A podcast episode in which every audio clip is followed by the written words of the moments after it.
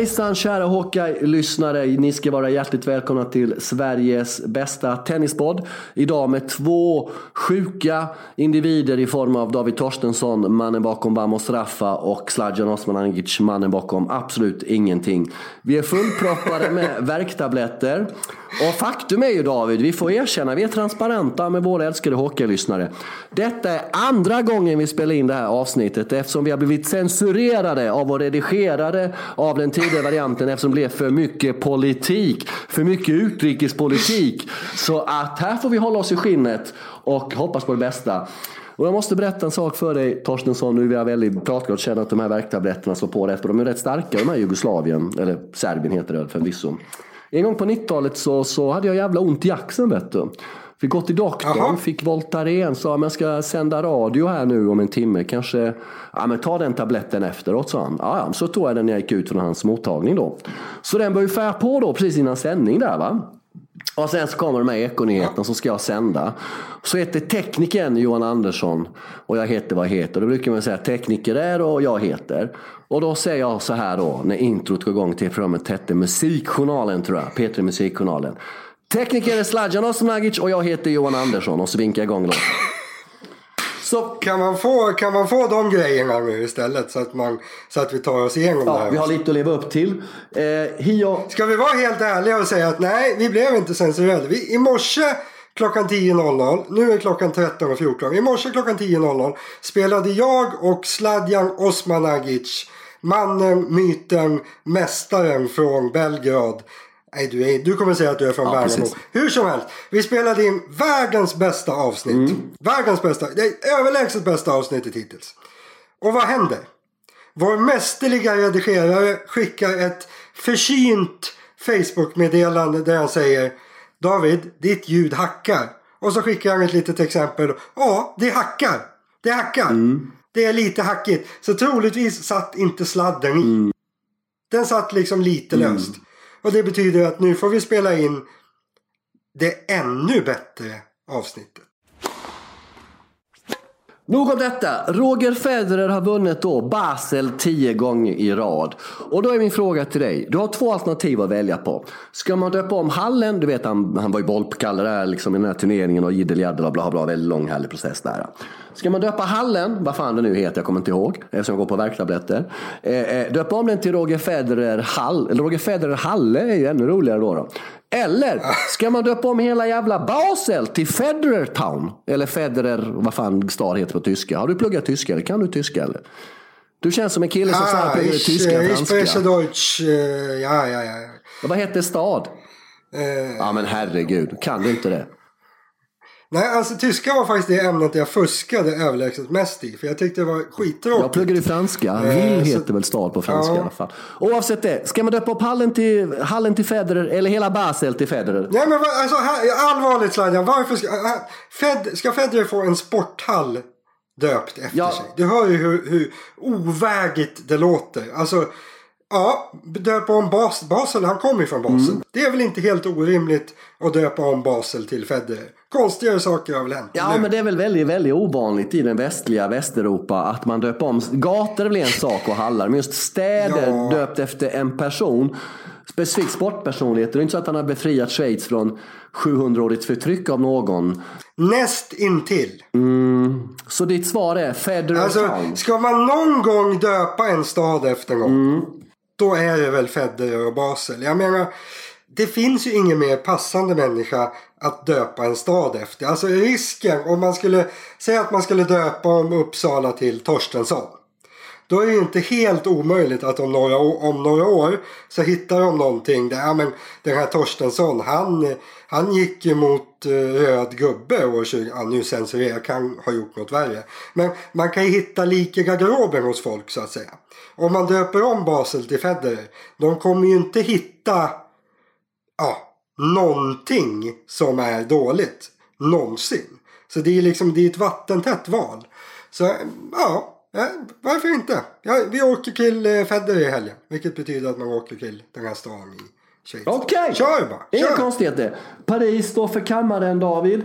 En, den ATP 1000 Mm. Masters som de senaste åren kanske genererat flest överraskningar, oväntade finalpar och vinnare emellanåt. Jag menar Cacciano vann förra året för att ta ett färskt exempel. Slog eh, Djokovic, eh, tennisspelare på halvtid numera. Skojar lite. Och, eh, nej men jag skojar ju, slappna av där borta i Uppsala skogen. Jag är redan irriterad för de här tekniska Ja, men problemen. skit i det nu och titta framåt för guds skull. Sluta älta som en... Ja, eh, som en... Ja, nu ska vi inte gå in på sånt. Sluta älta det budskapet. Och, eh, och då skulle jag vilja att du rangordnar de kanske största överraskningarna i final eller vinnarläge där då. Som vi haft i Paris. Helvete. Eh, som vi haft i Paris genom åren. Varsågod. Nu hostar jag. Varsågod. Teckenspråktolkare, Sladjan hostar. Mm. Det har jag säkert inte ni. Eh, jo, men det var ju en... Vi, vi börjar väl med lite svenskt. Ja, Kan det varit 2011 Sladjan? Robin Söderling. Din, känner du Robin Söderling? Du skulle kunna känna Robin Ja, jag har aldrig träffat eh, Robin Söderling. Det har jag nog Nej, inte gjort. nej. Tror jag inte. Skulle du vilja ha träffat honom? Gillar du Robin Söderling? Jag gillar hans forehand jättemycket. Däremot gillar Mm. jag inte hur han betedde sig mot Raffa där. eh, eh, När han gjorde sig rolig över Raffa där med, med, med shortsen och, och rumpan. Och det hade kunnat gjort på ett mycket mer sofistikerat och bättre sätt. eh. Nej, jag tycker inte han visade någon större respekt för, från, för den, den hedervärde eh, från, från Mallorca. Det tycker jag inte. Men det är klart att han saknas Robin. Jag menar, det var väl gott att ha en kille på topp fem. eh, En svensk spelare på topp fem, även om det var ocean upp till de tre stora plus Murray. Liksom, så var han ju ändå best of the rest om du tar bort de fyra ett tag. Och det är ju inte så jävla pjåkigt, för det är en exceptionell, eh, de är exceptionellt bra de tre plus Murray. Eh, Så att, eh, ja, jag saknar Söderlund lite. Men Det här var hans största titel i karriären kan man säga, va? Eller? Ja, det var det ju. Alltså han vann ju ingen annan ens halvstor titel. Va? Det var, han vann liksom... Han vann lite småturneringar och så vann han eh, Paris. Det var ju... Ja, det, det, är inte svårt, det är inte lätt att vinna stora titlar. Då kanske det var förhållandevis ännu svårare. För då, då missade ju sällan de tre största några, några turneringar. Murray fanns där också. Det, de var liksom... På något sätt var de mer stabila på den tiden. Det var ju de i semifinaler och sen man fick nöja sig med att gå till kvarten typ. Men han vann ju Paris 2011 Robin. Slog eh, Lodra i finalen. Lodra var en konstig kille. Ja, på vilket sätt? Kommer, har, har, du läst, har du läst historien om hur han gömde sig i Jubicic skåp för att ta del av Jubicic liksom aura av att vinna matchen? Nej, det vill jag Det, jättegärna. det sägs att han var, han var en riktig skojare. Ja, men berätta, Lite tokig. berätta lite mer om detta. Nej, det, det, alltså, jag kan inte historien mer än så. Han, jag, jag tror att han skojade lite. Men Jubicic vann väldigt mycket matcher tydligen. Eh, och så Lodra var en liten skojare och sådär. Så, så satte han sig liksom inne i Jubicic skåp. Och jag tror att han liksom satt där när Jubicic kom och öppnade det. Mhm. Eh, och så var väl förklaringen då att Nej, men du, det, allt funkar ju så bra för dig. Så nu provar jag att gömma mig i ditt skåp Ja. lite så kommer det gå bra för mig. Jubicic. Det, det är ganska roligt. Jubicic, roligt. tränare till eh, Roger Federer, kommer från staden Banja Luka i Bosnien-Hercegovina. I enklaven Rep... Men spelade för Ja, Kroatien. ja, men lugn och fin. Herregud, min skapare. Ja, eftersom du man... ska alltid snacka ner kroaterna. Nej, eftersom man är etnisk kroat gjorde det. Ska man döpa om staden Banja Luka i enklaven Republika Srpska till Jubicic om man döper om Basel till Federer? Ska Jubicic få Banja Luka också, eller är det off? Nej, det där, jag tycker vi, vi döper om den till Zumur. Han kommer säkert Nej, han är från. Sarajevo. Skit i det nu. Du, Jomor, det är en kort tennisspelare. Du ska ha... Du har li- Skulle Ja, ja, jag, ja. får jag inte dra min lista här eller? Jag skulle ju få dra Parislistan för fan. Rappa på lite då för guds skull. Jag måste hem och vila. Söder... För helvete. Missat en siesta på grund av dig idag. Kör på nu. Nej, på grund av sladden. Söderling vann 2011. Sen en annan superskräll i Paris. Ja. Jack Sock har vunnit i Paris. Är inte det Ja, det konstigt? är ännu konstigare vem man slog i finalen. För det var det mest omaka eller konstiga oväntade finalparet på evigheters evigheter. Va? Kanske någonsin i något P1000 Masters. Inte konstigare nu, för nu är ju Krajinovic en ganska bra spelare nu, eller hur? Ja. Han är ju typ topp 40 nu. Sock, han spelade i en Challenger igår. Det, går, det, gick, det har inte gått så bra för Sock efter att han vann Paris. Nej, nej. Det var där hans, hans liv lyfte och som hans liv rasade. Det gått rätt bra i dubbel Mm. eh, sen dess dock. Och den största Paris-skrällen, eller liksom roligaste Paris-upplevelsen genom åren. Jerzy Janovic. Polacken. Minns vi honom? Polacken med Ja. oerhört många verktyg i verktygslådan. En fysik av väldigt, väldigt bra slag. Stabila grundslag, inte helt dum taktisk och en serve som du är svag för David. Ja, Var han- svag för kanske. Nej, ja, på den tiden han kunde Mm. hoppa. Sen har han ju, han har ju kommit tillbaka några gånger senare år. Eh, på senare år liksom nött sig tillbaka lite grann till ATP-touren innan han blev skadad igen hit och dit. Och då sa han liksom, "Nej, men, tänk om jag kunde serva fortfarande, om jag kunde hoppa i serven fortfarande. Tänk hur bra jag skulle vara då. Och lite så, alltså han var ju, jag tror att han hade kunnat bli en servkanon Kanske inte klass med Isner, Raonic och så vidare. Men han hade liksom haft, ja men säg en Kyrgios. Han hade kunnat vara Kyrgios idag. Minst. Om han inte hade blivit skadad. Otroligt tråkigt att vi inte fick ha med honom. Lite stökig kille också. Han hade man velat ha med. Men eh, egentligen skadad. Han hade något bra år efter det. Var semi Wimbledon och lite sådär. Men nej, sen blev det bara skador, dåliga knän och allting. Tråkigt. Men det var en... Eh, var en fin run han hade där när han gick till final. Torska mot David Ferrer va? Enda, eh, enda masterstiteln han vann om jag inte har alldeles tokigt fel. Du, för ett par veckor sedan pratade vi om, eh, om, eh, om, om långa spelare. och ska vi prata lite om korta spelare. Därav var då att Diego Schwartzman är veckans spelare, finalplats i Wien. Gjorde en fantastisk en bra match där mot Kachanov också i, i fredags kväll om jag inte missminner mig. Bra längdskillnad på de två när de möts. Eh, och eh, Schwartzman har ju satt upp 1,70 som längd eh, officiellt. Men är han verkligen så lång? Ljuger tennisspelare ibland med, med sin längd när de är korta?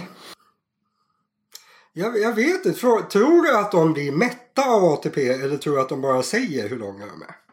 Ja, då borde det väl bli mätta tycker jag. Om det är seriöst alltså. Har de, liksom en, har de en sån här mätställning och så får de komma på löpande band och ställa sig? Nej, jag tror faktiskt tvärtom. Jag tror bara de säger. Ja. Eh, han- han- om de har mätt honom, då har han stått på tå när han, eh, när han uppnådde 1,70 Ja. kan man säga. Han är 1,65 max. Han är en knatte. Men berätta lite mer, vad gör Diego unik som spelare och sådär liksom? Vad, vad tycker du själv att hans styrkor är? Och tycker du om att titta på honom? Jag tycker han är väldigt underhållande att titta på när han spelar bra. Säkert han möter lite bättre motstånd. Han har haft ett par fantastiska matcher med Nadal bland annat. Oftast på hardcourt som kan vara väldigt underhållande och så vidare. Jag gillar att kolla på Schwartzman. Hur, hur känner du inför honom? Ja, men alltså.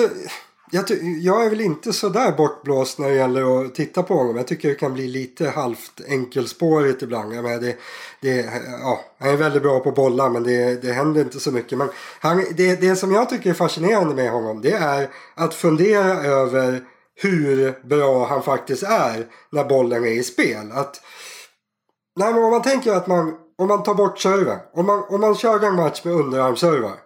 Hur bra skulle Schwartzman då vara? Det är en sån här... Nej men det är en fråga jag skulle vilja ha svar på. Jag är nyfiken. Är han lika bra som Federer? Är han bättre än Federer när bollen är spel? Är han lika bra som Djokovic och Nadal? Kanske inte riktigt. Men förmodligen inte så vansinnigt långt ifrån. Alltså han är ju... Ja, hade han haft några decimeter till på sig hade han varit fantastisk kan man säga. Då hade han varit bland de bästa i världen. Så bra. han. Hyfsat mycket boll i den killen. Han hade nog kunnat bli okej i någon annan sport också om det är så. Mm. Bra högerback i fotboll kanske. Liten, ettrig, snabb på Ja. kanten där. Precis. En liten eh, lang. Duktig markeringsspelare. Ja, men det är mycket, mycket bra liknelse. Vi har ju korta spelare, men när vi säger korta spelare definierar vi de som är 1,80 eller under. Fognini, Diego, Goffin, Nishikori, Nishioka, Berankis, Albert. Jag håller in en hostning nu, väldigt tuff utmaning detta. Köpfer, Kohlschreiber, Damir Djumhur, din kompis från Bosnien, Hercegovina. Kortisar. Mm, kortisar. Har de någon framtid inom tennisen kortisar? Eller är det längre spelare som har framtiden? Och håller det här mellanskiktet på att försvinna där vi har Nadal, Roger och Novak 1,83 till 1,87? Hur ser du på det? Ja men det är väl det där mellanskiktet som lite grann håller på att tunnas ut. Alltså när, eh, under åren jag har följt tennisen, det är ju en oerhörd mängd år. Det är ju 20 år snart som jag har följt tennis varje dag. Och sådär. Så liksom, eh, det har oftast varit så att nästan alla spelare har varit mellan 1,80 och 1,90. Har man varit över 1,90 eller under 1,80 då har man stuckit ut ganska rejält. Det har ju funnits några stycken liksom som Söderling som vi pratade om förut. Berdic och det har funnits någon kortis som typ Rochus eller något sånt där. Men det är först nu som det faktiskt finns ganska många kortisar. Det är först på senare år som det finns liksom. Du, du radade upp tio namn där som är under 1,80. Som är topp 100 i världen. Många av dem mycket bättre än så. Och det, det är som att tennis blir mer och mer. Det, det finns liksom ingen specifik superlängd som det kanske man tyckte förut att man ska vara 1,86 som Federer utan det kommer fler och fler långa som jag tror vi pratade om för, förra veckan. Och ja, det finns ganska många nu som är 1,75 och under. Eh, sen några av de där de är mellan 1,75 och 1,80. Jag vet inte om man kan räkna dem som kortisar. Nej, det, det blir fler och fler som, som klarar sig trots att de är korta. Det tycker jag är lite spännande. Tennis är, det är en sport för alla, alla kroppstyper. Mm. Det är en fin sport. Men Schwarzman exempelvis har ju en förlängd racket. Är det OK eller inte OK? Hur ser vi på det moraliskt, etiskt? Moraliskt? Det, ja, det är ju väldigt OK enligt reglerna. Det, då, är det, då är det OK. Men ja, det, är det ändå inte lite... Konstigheter. Jag vet inte.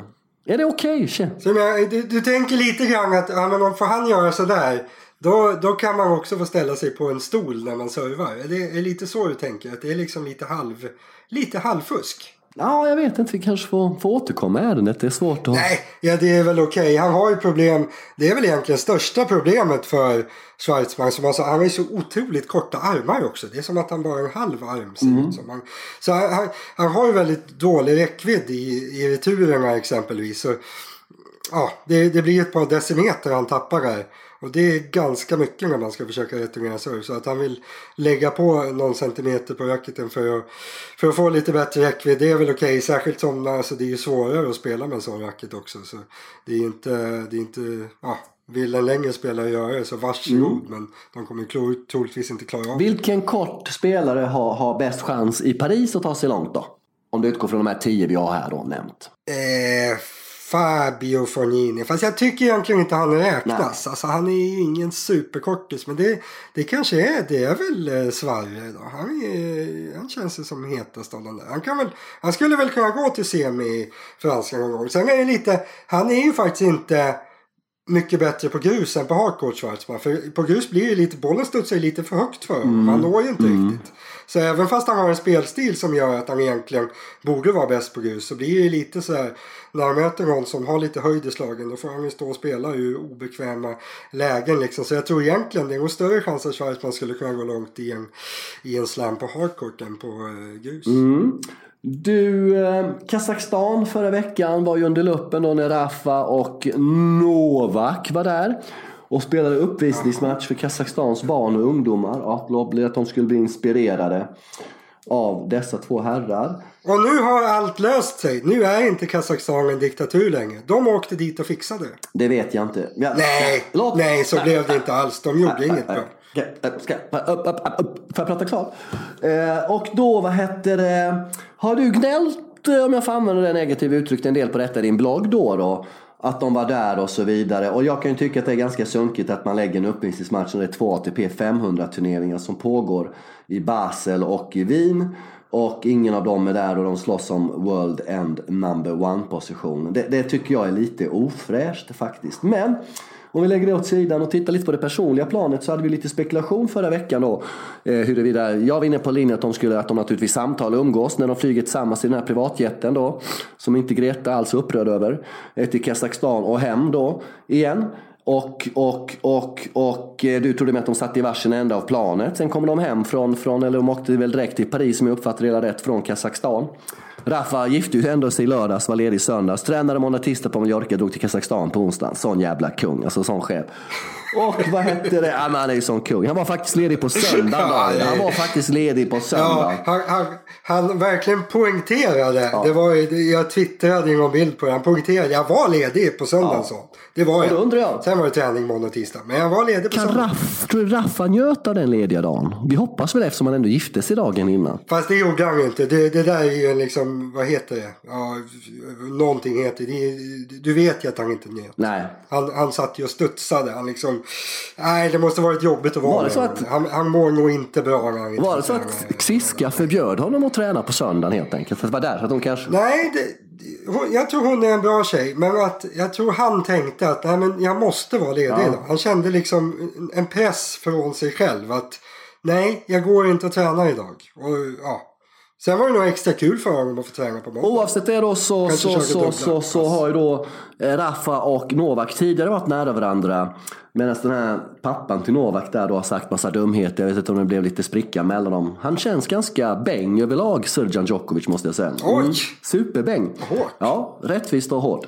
Bara från luften. Du, du bara, han är inget Jag hade, hade, Du hade honom eh, bordet bredvid en gång på en sån här fine dining restaurang här i Beograd. Jaha. Stan jag inte kommer ifrån. Jag är från Värnamo. Om jag kommer från en stad Just i ex-Jugoslavien så är det Travnik i centrala Bosnien.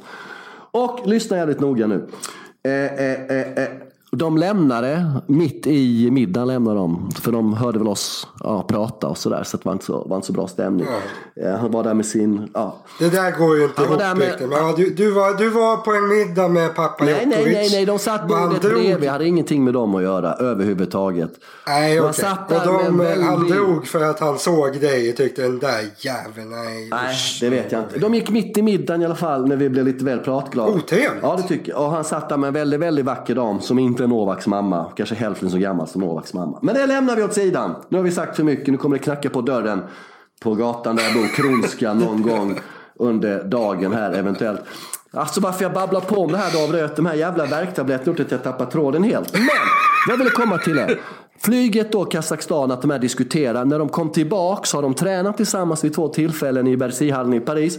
Och jag tror att de håller på att bygga en ny politisk allians här nu. Rafa och Novak sen Rafa gick in i spelarrådet. Han håller på att svika Roger Rafa-alliansen och glida över till en Rafa-Novak-allians som ändå var lite mer rådande förut. Det är ju ganska nyligen Rafa och Roger blev på goda termer. De har ju poserat ganska mycket framför kameran när kameran varit på. Men för oss som har lite källor och ingångar off the grid så att säga så har det ju inte alltid varit speciellt bra mellan de två. Så det är vad jag tror lite grann här. Eh, Men du, eh, har du ändrat dig sen förra veckan eller vad känner det, du? det tror jag alltså att de, de har hittat varandra i, De har, de har i eh, återhittat varandra. Det hände någonting. Det var liksom, de har återhittat varandra. De har reconnectat. Okej. De hade liksom en, ett sånt här... Jag hittar... Jag är trött och sjuk. Jag hittar inte orden sladdja. Men de, de, de hade någon mysstund där. Och så kom de på att vi, vi gillar ju varandra. Och nu är de bästisar. Det är så du tänker. Men det finns ju mycket att prata om. Jag menar Andrea Gaudenzi blev utsedd till eh, Chris Kermots Mm. ersättare den här veckan. Det kom säkert upp på planet. Flighten dit, fan ska de prata om? Det här faktumet att de sitter i spelåret, båda två, där Novak är president och Rafa har kommit in och politik. Du vet hur mycket eh, surr det har varit. Så nog fan passar de på att utnyttja den här kvalitetslinjen till att prata med varandra. Och nu är de bästisar. Nu har de tränat två gånger. Ganska ovanligt att eh, världens två bästa spelare tränar Mm. Hur ser du på det? Två gånger som Ja, de gjorde. berätta mer. Mm. Ja men det är väl kul. Det är klart de borde göra det. Sen jag vet inte. Nej men det, det valde de väl själva. Sen vet man ju. Det kan ju ha varit så. här, Men de kom väl tillbaka samtidigt från. Från eh, Kazaklandet där. Landade samtidigt. Det kanske var bara de som var där. Det passar bra att träna tillsammans. Jag tror inte att eh, ATP-representanterna gråter riktigt av att de fick lite fina bilder på Djokovic och Nadal som står och, och duttar lite mot varandra. Så det var väl en, en trevlig idé. Men det är noterbart. Det är otroligt sällan som de bästa tränar med varandra. Så ja, de, de är nog inte osams. Så mycket kan man ju säga. För det har du varit lite inne på att de skulle ha varit antytt utan att säga det rakt ut. Har det inte varit så? Vi tittar lite rätt. Och ni som håller med mig, som tycker kanske att David har varit inne på det här. Ni vet att ni mejlar in till Hawkeye, snabel betthard.com. Det är där vi finns. Ska, ska, de, skick- ska de skicka ett mail där de säger att de håller med dig? Nej, men vad de tycker om den här Så kanske de diskussionen. gjorde när du hade musikjournalen Sladjan. Det orkar ingen göra nu för tiden.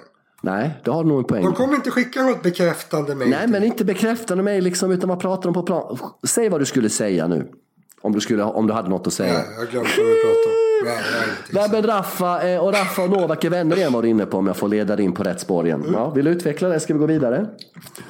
Nej, men jag tror, alltså, jag tror ju att just det här med spelarrådet så tror jag, min teori var ju att nej, men Djokovic, nej, Djokovic, Federer och Nadal gick in för att de var lite trötta på Djokovic handhavanden där. Eh, Sen hur mycket det sitter ihop med att de eventuellt var osams med Djokovic som person. Det, det vet man ju faktiskt inte. Det finns ju trots allt människor som håller, kan hålla isär sånt. Jag kanske inte riktigt är en av dem. Men det finns människor som klarar det. Så, de kanske har varit kompisar men att han har varit, jag vet inte. Men nu verkar de som sagt bra kompisar. Annars hade de väl inte hängt med varandra i helgen i eh, Paris. Ja. Där, du ser vad Kazakstan gör med folk. Du ser att Kazakstan, ja, vilket land, Kazakstan har bra effekt Det är ett fantastiskt land. Har det varit? Det är en, här, en, en, en, en härlig, riktigt, riktigt mysig ja. diktatur. Ju, Precis som en diktatur ska vara. Du har ju sågat Kazakstan ganska hårt och det statsskick här i bloggen. Och man undrar liksom eh, Ja. Vad grundar sig? Det känns som att du nästan har ett personligt hat mot Kazakstan. Det är mitt intryck när jag läser dina, och det är inte ens mikroblogginlägg utan det är ju riktiga blogginlägg när du, när du, när ja, du, det, här, när det, var, attackerar. det var nästan, nästan en krönika. Det var en... Ja, ja. Nästan en roman skulle jag vilja säga med dina mått mätt. Och då undrar jag liksom vad, vad, vad, vad, vad, vad, vad hänger det här ihop med? Någonting i ditt undermedvetna, någonting du har varit med i livet som, som, som påverkar din syn på Kazakstan. Och jag har en, en jävla Men, intressant teori om detta. Har du en teori? Ja. Jaha, ja, säg, säg. Du säg. är ju där uppe från Norrland va? Du, du är väl nästan norr om ja, Dalälven eller vad heter den? Är det Klarälven eller Dalälven? Nej, Klarälven, det är det inte hur långt. Det här hur långt upp har du till den? 5, 6, 7 mil. Dalälven, jag vet inte. Är det Gävle kanske? Norrland börjar väl i Gävle? Ja, men det, det är ju den här jävla älven. Dalälven. Det borde ju du veta. Du bor ju där runt hörnet för guds skull. Den här älven där uppe. Hur, ja, mycket, hur långt upp är det? Gysinge, vet du vad Gysinge Jag vet inte. Det är några mil. Det är några Gysinge vet du vad det är va? Den här lilla orten i, i, med, i Uppland. Det finns en väg som heter Gysingeväg. Ja, noll... Sveriges Radio har ju för fan en sån där uh, kursgård där, där jag var på 90-talet och blev utbildad i självkör när man skulle sända radio själv. Nog om detta. Det ligger vid den här jävla älven, Dal eller Klarälven. Är ledsen att jag glömt. Och det är väl kanske från dig 5, 6, 7 mil upp till Norrland. Vad vill säga du bor i Längdåker. Varför pratar vi om Dalälven? Ja, låt mig komma till punkt då. Du bor i Längdåkarland. Längdåkning. Du är född på 80-talet. Du är uppvuxen på 80-talet. Du minns 90-talet när Sverige var dominerande i skidor. Vi hade Gunde Svan, det ena med det andra med det tredje. Du minns Vladimir Smirnov. Ryssjäveln som ah. bodde i Sverige. Kazaken! Lögn och fin. Etnisk ryssjävel som åkte för Kazakstan istället för Sverige som han bodde i. Och han... Varför säger du ryssjävel? Han var... Så kan du väl inte Nej, men, säga? Ursäkta, jag ber så mycket om ursäkt. Att det var... Ryssen, etniska ryssen från... Jag tror att du är bitter på Kazakstan för att Smirre, Vladimir Smirnov, valde att representera Kazakstan och inte Sverige. Jag tror du är, du är ju långt ifrån sanningen. Jaså? Men jag tyckte faktiskt, jag kommer ihåg att jag ville att han skulle köra jag för Sverige. Han kändes ju väldigt svensk ja. och han var en väldigt mysig kille ja. Han var bra. Han var ju han hade varit en jättebra kugge i stafettlaget. Varför körde han inte för ja, oss? det är väl det. Dåligt beslut. Ja, det, det, ja precis. Det kommer nog inte få svar på här och det, det, Din slutsats är då alltså att därför tycker jag nu att det är dåligt att Kazakstan har en diktator. Det är själva slutklämmen då. Eh, lite tunn slutkläm, men ändå en slutkläm. ja, det, det, liksom, det var... Det höll ett bra tag. Ja.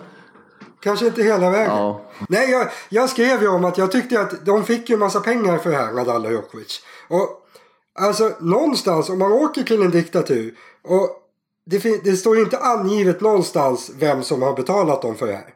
Och då blir ju min slutsats någonstans att i en diktatur då är det diktatorn som tar alla pengarna och eventuellt delar ut lite till höger och vänster. Så någonstans så Alltså åker man till ett sånt där land och kör en uppvisning. Det är samma som om man åker till typ Saudiarabien och kör en uppvisning. Ja men då utnyttjar ju det faktum att det är någon som har tagit alla pengarna och åker och tar lite av det. Jag tycker inte att det låter så här supercharmigt. Så Nej, då tycker jag hellre man kan ta en Mexiko-sväng som Federer gör. Då är det säkert något företag som betalar istället. Mm.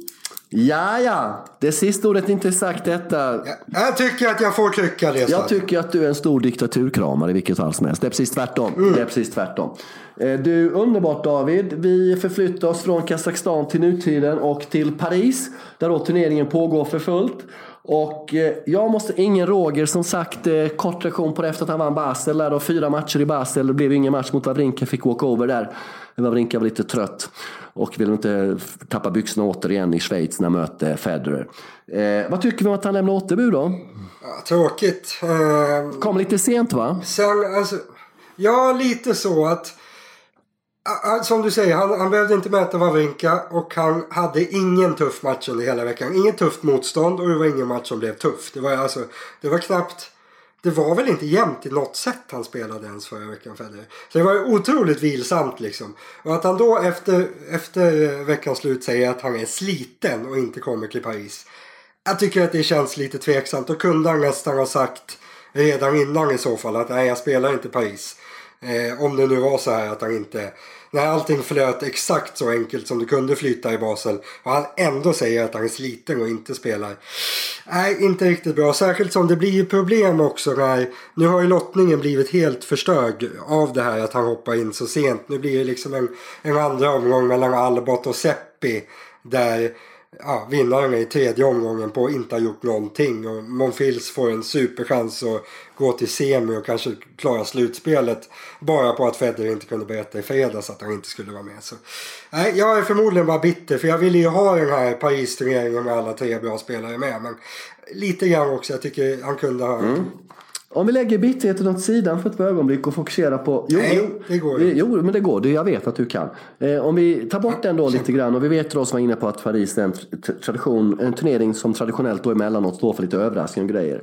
Vem på den undre halvan där vi har Nadal ensam och Nadal är inte alltid superbra inomhus och har jag problem med den här tidpunkten på året både i Paris och i vet jag, vet jag slutspelet, ATP-slutspelet. Vet jag? Ja, de här värktabletterna som sagt. Men var glad så länge jag kallar mig själv för Sladjan och inte för David och det och tvärtom. Då är vi liksom på rätt sida gränsen av värktablettsmissbruket vi har vi är inne just nu.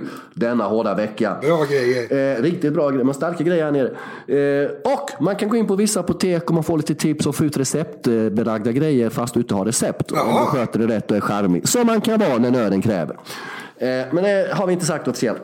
Eh, och, och, och vem då från undre halvan kan, kan, kan surprisa där? Vi har ju då som du är inne på en jävla härlig fight till ATP, till ATP-slutspelet då i London.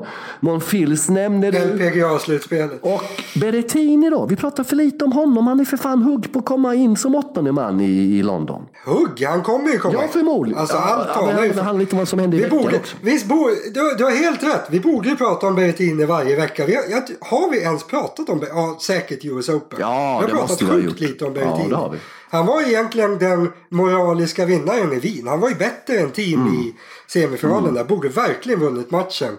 Eh, ja, som sagt, han eh, kommer ju komma åtta säkert. Det krävs Antingen måste Bautista gå klart längre än Berrettini eller så måste Men väljer du Monfils eller Berrettini som bullet? Äh, som, som... Nej, men då väljer jag Monfils. Okay. Jag väljer Monfils. Jag tror... Okej. Okay. Ja, han har väldigt ja. bra läge. Men... Eh...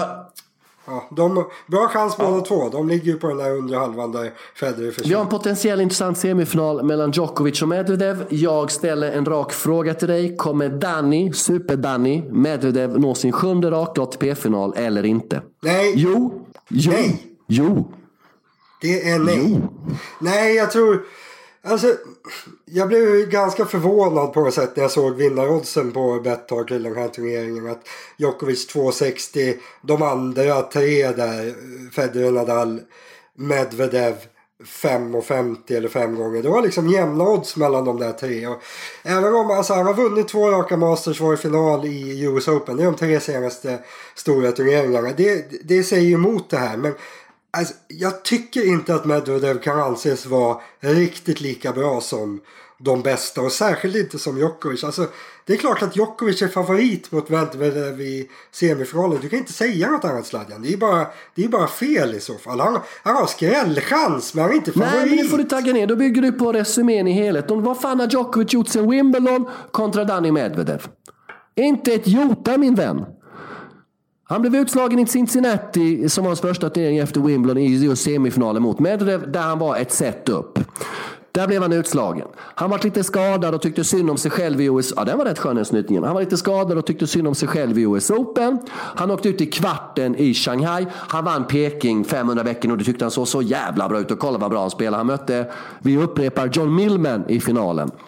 Eh, eh, eh, där i Peking. Utslagen mot Tsitsipas i kvarten i, i Shanghai och har som motivering efter att jag lät honom diktera matchen. Ja men för fan se till att inte göra det då. Du har ju verktygen till det. Och nu kommer han att spela här. Han har spelat lite uppvisning med Rafa i det underbara vackra landet Kazakstan. Fyllt av olja och fria medborgerliga rättigheter och fri press och allting. Gratis bensin är det också säkerligen. Så jag menar liksom, vad, och sen vad tittar du på vad Medvedev gjort? Final Washington. Final Montreal, vinst Cincinnati, final US fucking Open, vinst i Sankt Petersburg, vinst i Shanghai. Han har spelat tre raka finaler i ATP Masters 1000 och har två raka titlar. Vad fan har Djokovic gjort under samma period? Förutom att vara hemma med familjen och tycka att han är duktig familjepappa. Kan du svara på den frågan? Vad har Djokovic gjort sen Wimbledon? Ja, eh, Jaha, är du klar? Jag höll precis på att natta Ja. lite här. Eh, Ja, inte så mycket. Det har ju varit lite trögt för Djokovic, det får man ju säga. Eh, men det, det var ju gått ganska mycket bättre. Kan man säga.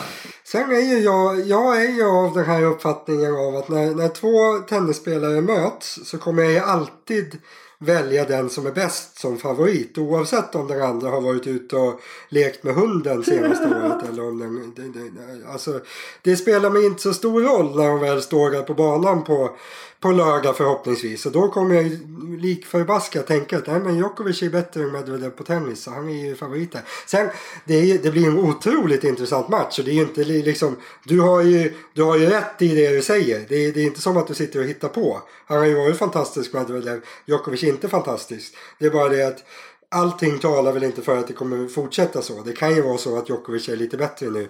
Och då, då tror jag att han är ganska klart bättre än Medvedev. Men ja, otroligt intressant match. Och det, det är extra intressant det här att han har... Alltså det börjar lukta lite att han kanske har lite svårt för Medvedev. Och det blir ju spännande att se om han vill... Ja, det är ju du som har varit inne på detta, att det har dykt upp en mardrömsmotståndare till Djokovic. Det, är lite, det här resonemanget är lite... Det här, alltså jag är så taggad inför den här potentiella semifinalen på lördag. För det är så mycket spänning så här slut. Hur viktigt är det att Djokovic vinner? Kommer du må dåligt på lördag? Eller liksom, spelar det inte så stor roll? Ja, grejen är den att jag så, blivit så jäkla svag för Super-Danny så att jag hoppas han vinner den matchen. Av olika anledningar. Nej! Lugn och fin. Lugn och fin. Det kan ge då Djokovic, det kan han ju ta på olika sätt.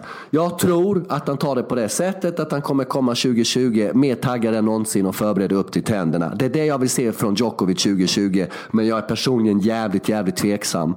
Eh, för han lägger ner så oerhört eh, mycket mindre tid på tennisen idag än man gjort innan. Och det är ganska oroväckande. Då, För varje gång du säger det där så låter det som att han lägger ner lite, lite mindre tid. Snart kommer du, kommer du säga att han inte spelar. Och snart kommer han bara spela andra veckan i Grand Slam. Han kommer inte spela första. och och eh, va- eh, bara för att liksom komma till, till och och då kan en, på sån här förlust då mot Medvedev och se hur, hur bra Medvedev har varit de fyra, fem senaste ge eh, månaderna Djokovic tändvätska att liksom kanske komma tillbaka och visa once for all vem man är. Men så därför skulle jag väl inget någonting emot om, om Medvedev vann överhuvudtaget. Dessutom skulle det vara ganska snyggt om han kom upp till sin sjunde raka final.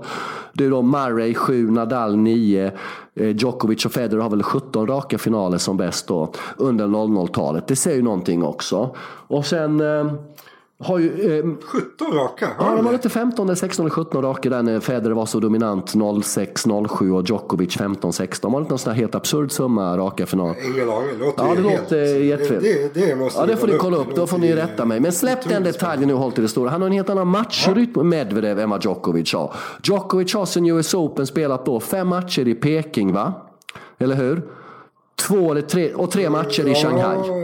Det är vad han har spelat sen US Open. Medan då Ja, Tok- ja, Tokyo så. Ja just det, förlåt. Tokyo var det. Fem matcher Tokyo, säg, ja, tre matcher då, 32, 16, 8. Tre matcher Shanghai.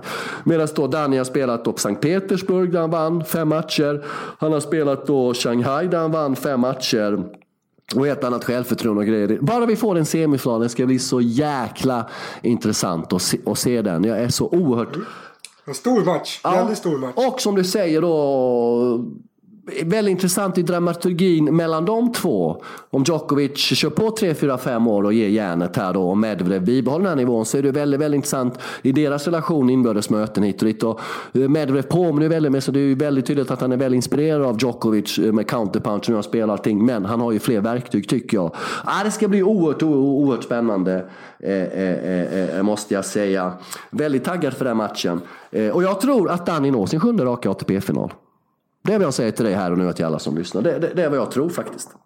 Då ska man spela på honom. För då har han ju bra chans i finalen. Ja, vad har vi för Fem gånger pengarna Och vad har Nadal exempelvis? Eh, Ja, det har väl jag har inte uppdaterat faktiskt än. Eh, Nu spelar de så det finns inte. Men eh, det är, Djokovic står väl kvar i 2,50 lite under det. Kanske Medvedev, Nadal lite under fem gånger pengarna nu när Federer drog sig ur. Så är det väl 4,50 på dem kanske. Jämna odds Är det ett rimligt Eh, odds på Så då tar ju Novak? du eh, Medvedev. är det ett rimligt odds på Novak Ja, det tycker jag. Alltså, han- Eh, Ja, alltså det är, så, det är en berättigad fråga. Det är ju. Jag, jag hävdar ju om han är i form. Då är ju normaloddset på honom Kanske innan Medvedev kom upp i och för sig. Men då har ju, har ju varit 2,20 kanske på att han ska vinna turneringarna. Medvedev nu har kommit upp plus lite tveksam form. Jag skulle nog inte köra, köra Djokovic till det oddset. Så skulle jag spela nu skulle jag nog klippa Rafael Nadal. Han är ju ensam på sin halva av de där tre. Och jag, jag påstår med en dåres envishet att Nadal egentligen inte är dålig inomhus. Det är bara det att inomhusturneringarna spelas bara på hösten när han alltid är skadad eller sliten. Plus att förr i tiden gick det ganska snabbt inomhus. Numera går det långsamt inomhus. Borde passa honom väldigt bra. Nu när han inte är sliten eller skadad så liksom... Nej, jag tror att det i själva verket kan passa honom ganska bra. Så jag tror han blir farlig i sista två turneringarna. Då säger du Raffa. Mannen som tog ledigt en dag efter sitt bröllop. Och Danny M. Mm. Vi har ingen uppgift, säger jag då, vi har ingen uppgift på många dagar han tog ledigt efter sitt bröllop. Eh, Andrea Gaudenzi, ny eh, chairman i ATP. Det tar vi upp nästa vecka. Pratar vi mer politik. Nästa vecka pratar vi också Funisarnas masterslutspel med Mikael Ymer. Vad har vi för längd på Mikael Ymer, David? 1,80 ungefär tror jag. Vad ett jävla fokus på... Hur lång är du sladden? Du är över 1,90 Ja, jag var väl längre för 20 år sedan än jag är idag. För jag hade nog bättre hållning då. Alltså, Men jag skulle säga min, min, ja. min maximallängd utsträckt och fin är nog 1,94. Men är nog, är nog med 1,91, 1,92 tror jag. Det är pampigt. Yes sir. Otroligt pampigt. Det tar vi nästa vecka. Liksom vi summerar vet jag slutspelet i Kina som pågår just nu. Det tar vi nästa vecka. Gå igenom det, titta lite framåt. Vad vi kan konstatera att Osaka vann ju första matchen. Eh, tyvärr lämnat återbud till resten av turneringen skadad. Kiki Berten spelar just nu mot Ashley Barty istället. Det är lite knepigt tycker jag det. När man liksom lämnar återbud mitt i ett gruppspel så kommer någon annan in och ersätter. Jag, jag, ah, det är konstigt det där, är det inte det? Men vad ska man göra? Gruppspel i tennis är väl ganska... Nej, det går inte att göra Nej. någonting riktigt. Eh, gruppspel i tennis är väl inte helt eh, naturligt, eller vad ska man säga? Det funkar inte. Vad har vi för odds då på WTA-slutspelet i Shenzhen, Kina, där Judy Murray är på plats bland annat och följer det hela? Halep slog Andrescu bland annat. Nu ska jag lära dig någonting Sladjan. De håller ju på och spelar nu som ja, du säger. Och då finns Nej, det inga odds. Just, just, just, just det. Halep skulle jag vilja sätta ett litet... Uh, ja, skulle inte förvåna mig om hon vinner. Sätt, sätt en, en dinar på mm.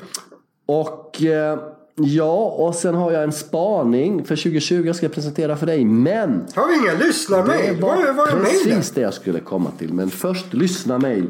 Och då har vi ett här då från Klas, jävligt bra kille Klas eftersom han jobbar med väldigt, väldigt stort typsnitt så att jag kan läsa. Mm -hmm. Vare sig det är ljust eller mörkt. Det rekommenderas varmt.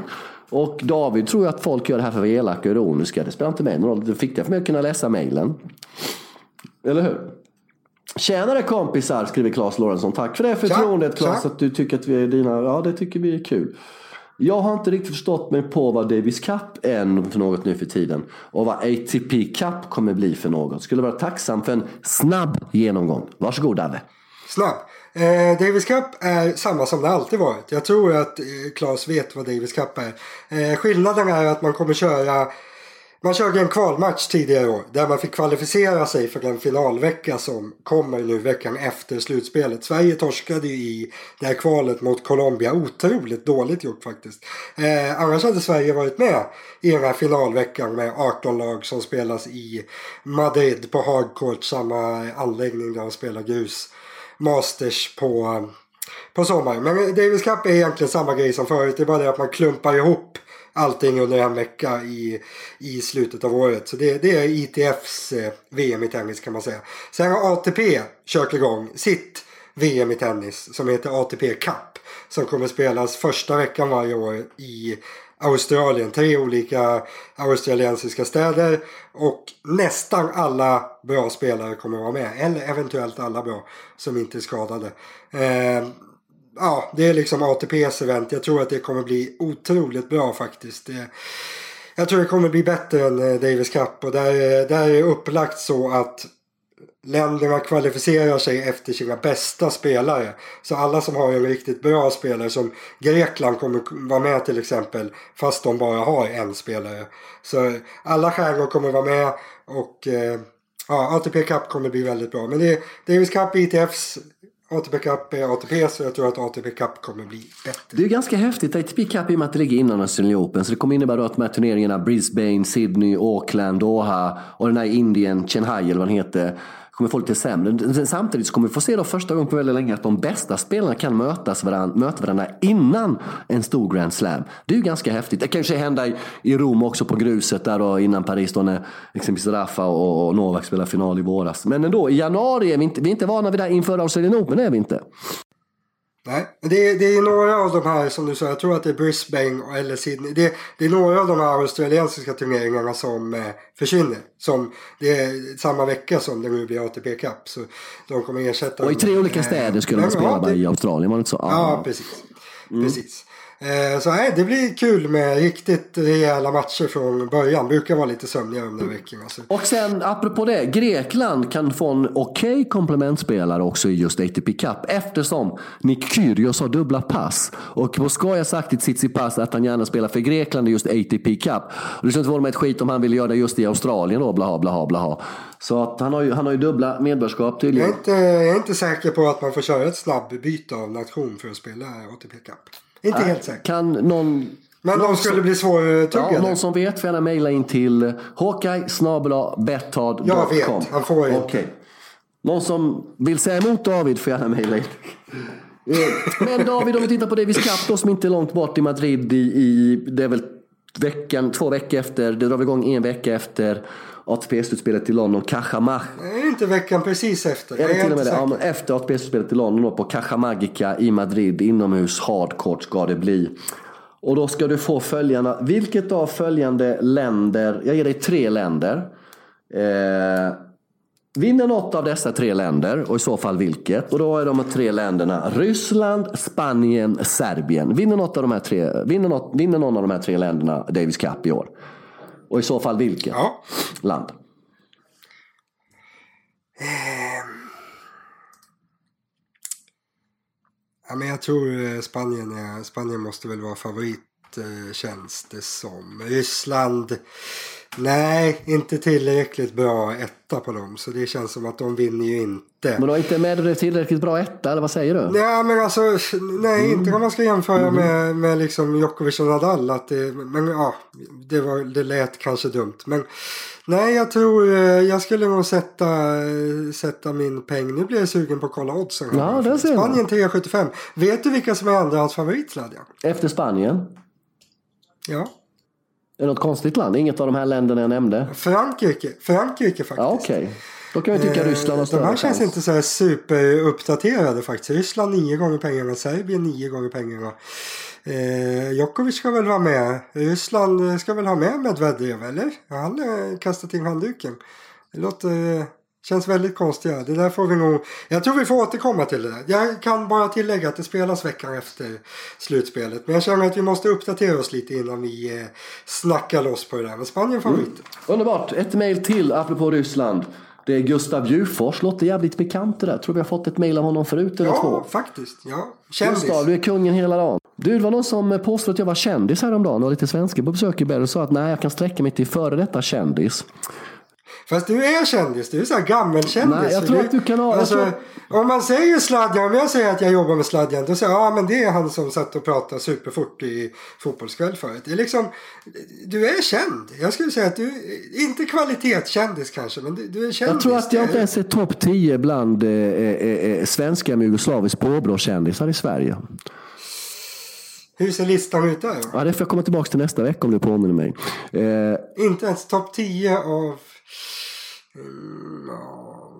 jo, det tror jag faktiskt. Ja. ja, vi får återkomma i ärendet. Eh, men i alla fall skriver just Gustav Djurfors. Hej, tack för en bra podd. Undrar om ni i veckans avsnitt kunde prata lite om gamle gode Nikolaj Davidenko. Ena.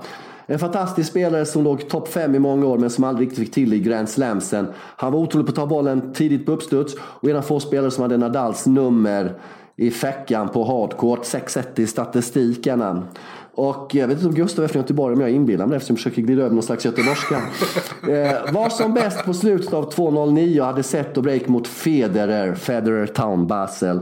I Australian Open 2010 innan helt kollapsen. Och David, lite problem med... Den matchen såg jag på en tjock-tv, ah, Och han hade väl också lite problem med, så att säga, vad brukar man säga, skuggskygga personer eller ljusskygga personer. Han var väl lite anklagad och lite misstänkt därför att ha lagt sig någon gång. Och lite, lite stök där vid sidan av, var det inte så med honom? Jo, alltså han hade väl lite otur tror jag i alla fall. Mm. Det där är ju bara rena gissningar. Men han, han kommer från Ukraina. Eh, Davidenko spelar för Ryssland men kommer från Ukraina. Eh, nu, det här kanske blir ett otroligt stort påhopp. Men jag tror att det är ganska dokumenterat att det finns en del eh, ligor eller vad man ska kalla det som håller på med matchfixning som är från just Ukraina. Jag tror att det var nog någon, någon slash några människor som lite grann satte klorna i honom tror jag och mer eller mindre tvingade honom att lägga sig en, två, tre gånger ganska tidigt i karriären. Sen hängde det där kvar kring Davidenko. Han blev liksom, det var några gånger som folk trodde att han la sig. Men han gjorde det inte utan det var liksom, han var lite skadad eller han, han spelade bara dåligt. Det var som att han, han fick lite skit av att han hade varit inblandad i skit tidigare under karriären. Det var, jag minns eh, en match där han till exempel av en domare fick varning för att han inte gjorde sitt bästa. När det i själva verket bara var så att han, han kunde inte serva. Han fick någon slags mental blockering och började slå dubbelfel. Det, var, det eh, finns ett roligt klipp på det där på Youtube när han liksom eh, han blir väldigt, väldigt överraskad när han står och har tiderna surfrossa och så får han en varning för att domaren inte tycker att han ens försöker. Det är lite förnedrande. Eh, men nej, det finns väldigt mycket roligare att prata om Davidenko. Han var otroligt bra spelare, eller hur Sladjan? Ja, de påstår det. Du minns inte det? Nej, inte sådär jättemycket. Jag minns mest att han var flintis jämt och att i de här... Ja, det var. Man, han var flint väldigt, man väldigt valde bort att titta på honom eftersom de här ryktena florerar så mycket. Det var på den nivån för min del. Ja, han, han, han ansågs väl vara ganska tråkig. Han var ju liksom, han är stöpt i den här ryska tennisrobotformen. De har ju haft ett gäng sådana där spelare genom åren i Ryssland. Men jag måste säga att jag i alla fall sent under karriären uppskattade jag Davidenko rätt mycket som spelare. Jag tyckte han var liksom han var så otroligt bra på det han gjorde. Han, som Gustav säger i mejlet, han tog bollen fruktansvärt tidigt. Men var ändå otroligt säker. Och, ja, han, han, han kunde pressa upp tempot som eh, väldigt få andra. Och, nej, jag brukar, eller brukade när han spelade, eh, skriva en del om att Davidenko var så fruktansvärt bra så under en normal tidsålder, han hade kunnat vara världsetta i, i flera år, så bra var han. Men han hade lite oflyt att det fanns eh, Nadal, Federer, Djokovic i lite samma generation där. Så han, ja, han nådde sin topp ganska sent också, Davidenko, så han fick liksom inga bra år innan eh, Nadal kom in till exempel. Så, lite otur, men ja, han var ju trea, fyra vägen ganska många år så det blev väl en ganska okej okay karriär ändå kan man säga. Stor spelare. David. Hawkeye, värktabletter special börjar, ta, börjar lida mot sitt slut. Börjar, börjar droppa ner här värktablettsmätaren på sladden så vi måste liksom avsluta avsnittet och skjutsa nej, på. Nej, jag tog i mer för en kvart sedan som börjar slå på färja på nu. Så att nu ska vi avsluta här på, på, med topp då. Jag tycker vi kämpade på ja, bra Sladjan. Vi har gjort två bra avsnitt idag. Vi är nöjda. Ska vi ha... Vi, har kört i över 50 minuter och så ska du ta in en Ja, det är bra att du berättar för folk hur långt programmet är när de kan se det annars. Men låt mig säga så här, vi har ett nytt inslag den här veckan och det är två saker som kommer uppröra David Torstensson. Ja. Okej. Okay. Första saken, ja. jag vet inte vilken ska jag börja med. Jag fick precis en inbjudan här på, på, eh, på så här när du babblade på här på datorn.